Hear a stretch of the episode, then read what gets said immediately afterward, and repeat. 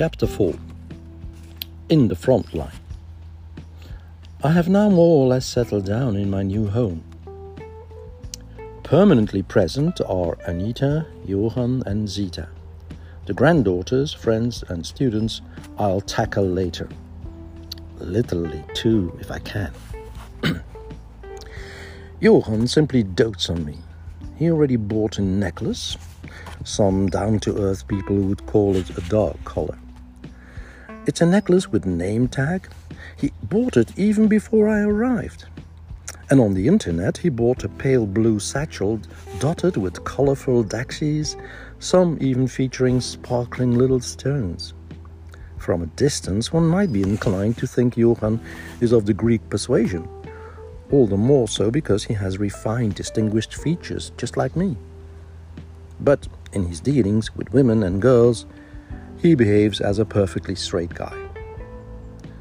He also put a sticker on his car with two cute BNT dachshunds with a Latin inscription saying Cave dasham zitamque pulcras. As if people don't notice, Zita and I are pretty in black. And anyway, who speaks Latin these days? I have only one explanation. Show off is Johan's middle name.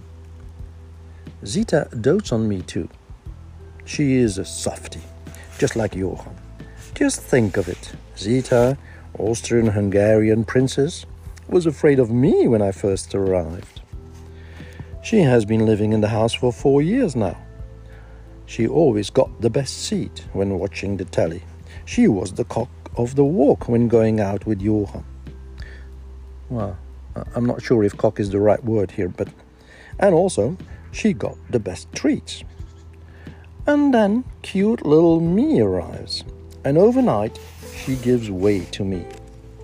I might be inclined to think that all females are that easy, but but I'm a female too, so I think the answer lies in Zita's character and upbringing. She is sociable, likes children, she blends in with her environment, and she accepts authority. The big decisions in life are better left to the likes of me. So from day one, Zita let me take the lead. I installed myself in the best seat with Zita next to me. I could drink and eat first, and at night I could lie on the little hot water bottle provided by staff member numero uno Johan. So I admit I, I could have ended up in a far worse place.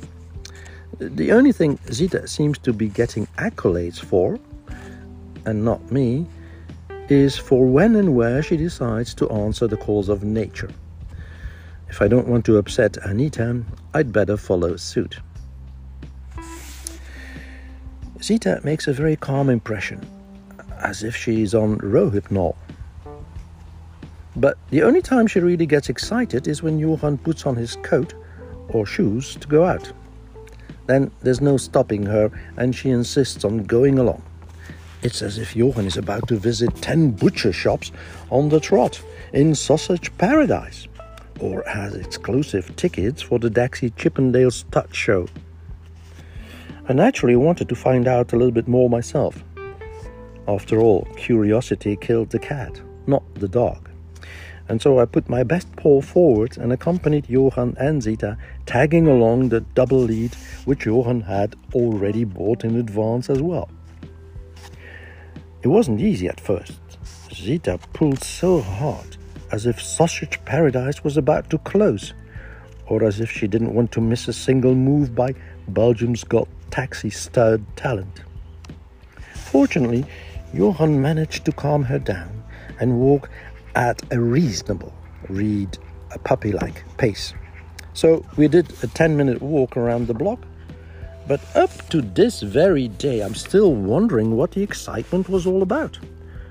Apart from five mongrels in a square meter garden, an attractive King Charles by the name of Lou, take a walk on the wild side, and two chocolate dogs, I didn't notice anything exciting we ended up buying a magazine called Woof. There are magazines for Apple illiterates too, you know.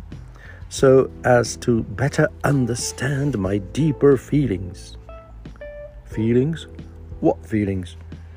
And finally, we went to the chemist's, where I was almost molested by a herd of octogenarians squeaking, Oh, how sweet! to buy a spray called Frontline. Frontline? I just hope World War III hasn't started. Then back home, where I could play with my little teddy bear Oscar and read the text on another present my boss Johan had already bought in advance. It was a notice board and started with Dasha's property laws. Hmm, mine. It was a long text with lots of phrases, each time ending with, It's mine, it's mine. But the last sentence said, If it's broken, it's yours. I'm not sure whether Johan bought this to please me or to tease me, but, well, I'll put it to the test. He asked for it, after all.